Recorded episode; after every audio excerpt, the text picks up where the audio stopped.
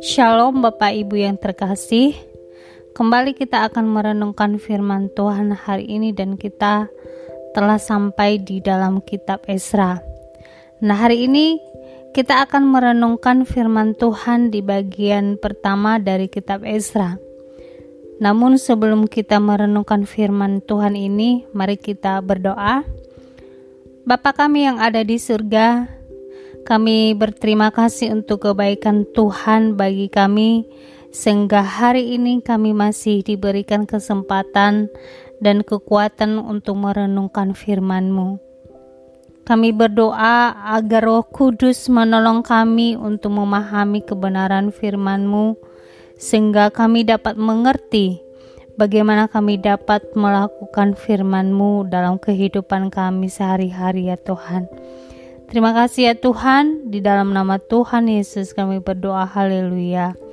Amin. Nah Bapak Ibu sebelum kita masuk di dalam firman Tuhan, saya mau bertanya kepada kita semua, pernahkah kita meragukan Tuhan di dalam kehidupan kita? Atau pernahkah kita menganggap Tuhan tidak dapat melakukan apa-apa di dalam persoalan hidup kita? Atau adakah kita yang pernah mengeluh di dalam hati dan berkata, Aku telah berdoa untuk penyakit saya selama bertahun-tahun dan Tuhan tidak menjawab doa saya.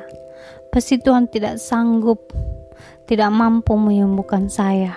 Nah, hal ini merupakan hal yang sering sekali terjadi ketika kita mengalami persoalan dan kecenderungan kita kecewa kepada Tuhan, menyalahkan Tuhan, dan bahkan tidak lagi percaya kepada Tuhan Bapak Ibu.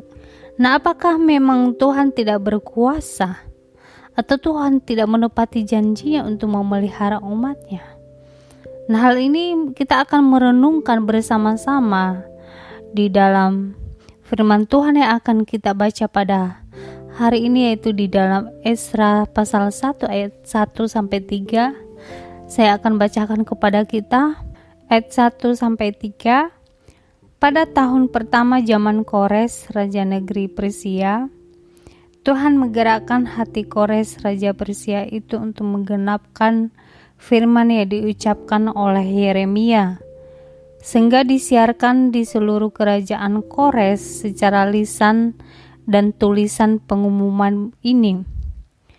Beginilah perintah Kores, Raja Persia Segala kerajaan di bumi telah dikaruniakan kepadaku oleh Tuhan, Allah semesta langit. Ia menugaskan aku untuk mendirikan rumah baginya di Yerusalem yang terletak di Yehuda. Siapa di antara kamu termasuk umatnya, Allahnya menyertainya. Biarlah ia berangkat pulang ke Yerusalem yang terletak di Yehuda, dan mendirikan rumah Tuhan Allah Israel, yakni Allah yang diam di Yerusalem.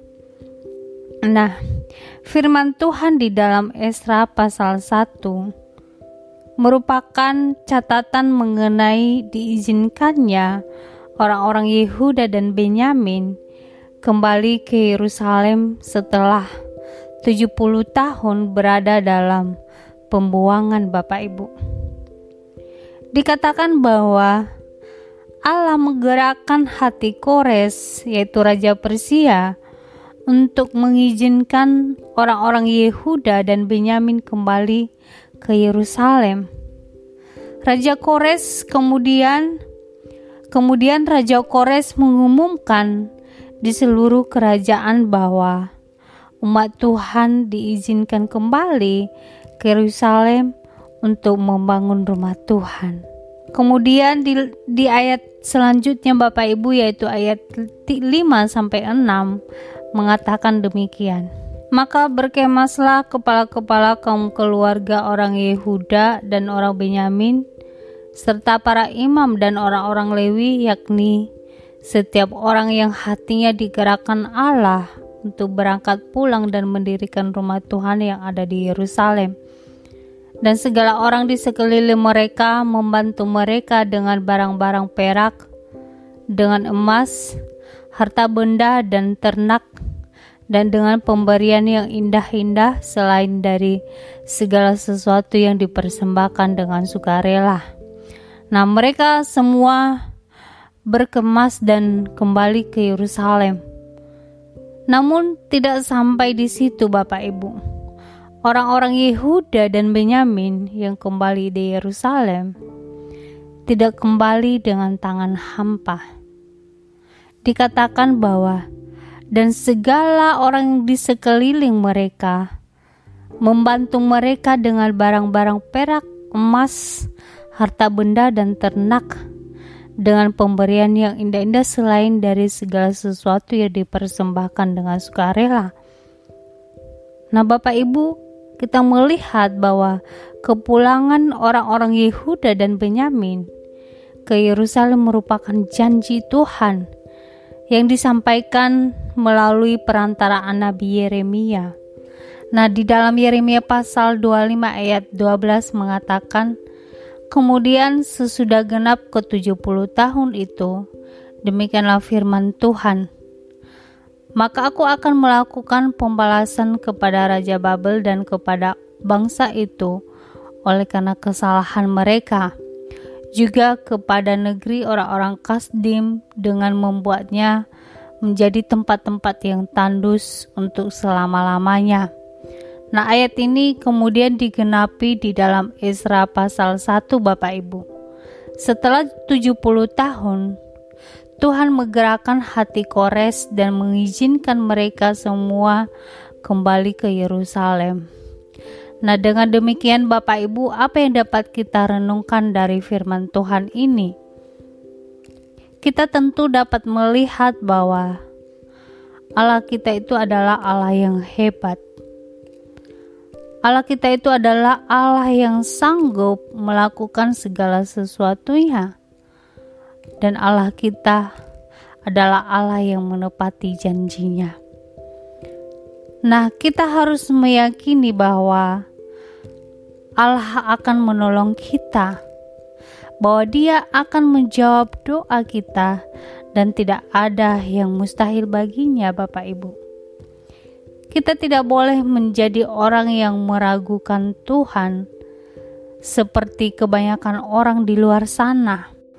Mari kita ingat yang dikatakan di dalam 2 Petrus pasal 3 ayat 9 mengatakan Tuhan tidak lalai menepati janjinya, sekalipun ada orang yang menganggapnya sebagai kelalaian. Tetapi ia sabar terhadap kamu, karena ia mengkehendaki supaya jangan ada yang binasa, melainkan supaya semua orang berbalik dan bertobat. Nah Tuhan tidak lalai menepati janjinya Bapak Ibu. Untuk itu tugas kita adalah menanti dalam ketaatan bahwa Janji Tuhan digenapi atas kita, atas keluarga kita, dan atas pekerjaan kita, Bapak Ibu. Semuanya ada amin, Bapak Ibu. Puji nama Tuhan. Demikianlah renungan hari ini. Mari kita bersama-sama di dalam doa, Bapak Ibu. Tuhan Yesus, terima kasih untuk firman Tuhan yang telah kami dengar. Kami belajar bahwa sebagai orang Kristen, kami harus dalam kepercayaan bahwa Engkau Allah yang hebat dan Allah yang menepati janji. Ampuni kami jika kami selama ini meragukan janjimu ya Tuhan. Kami menyalahkan Engkau ketika doa kami tidak dijawab, ketika keadaan kami tidak sesuai dengan yang kami inginkan. Ampuni kami ya Tuhan. Terima kasih ya Tuhan, kami berdoa. Haleluya, haleluya.